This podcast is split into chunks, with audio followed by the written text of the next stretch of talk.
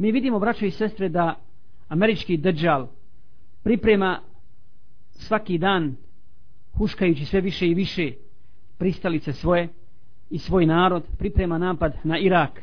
Jer kako kaže Irak je najveća smetnja i najveća prijetnja čitavom svijetu odnosno svjetskom miru.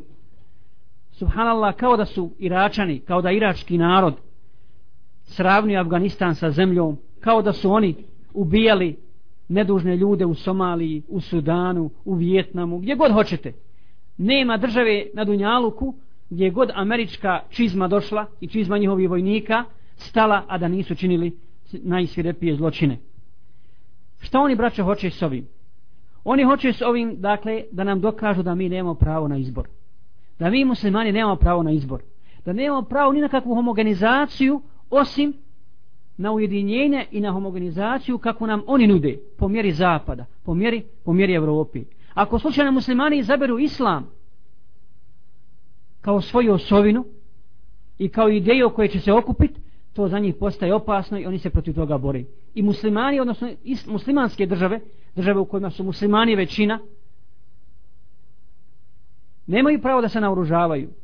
Oni nam diktiraju koliko će hrani doći u naše zemlje gdje su muslima većina, koliko ćemo imati naoružanja i kakvog naoružanja. A s druge strane oni mogu da rade, da rade šta god hoće. Treća stvar jeste Palestina. Palestina, braćo i sestre, ne treba nikakav komentar. Ne treba nikakav komentar. Samo bi spomenuo za ibret koliko cinizma, koliko mržnje i koliko neprijateljstva prema islamu i muslimanima, koji su za nevjernike uvijek bili na margini života i nisu uopšte brinuli o našim žrtvama nikada, niti su željeli da pomognu ugroženima.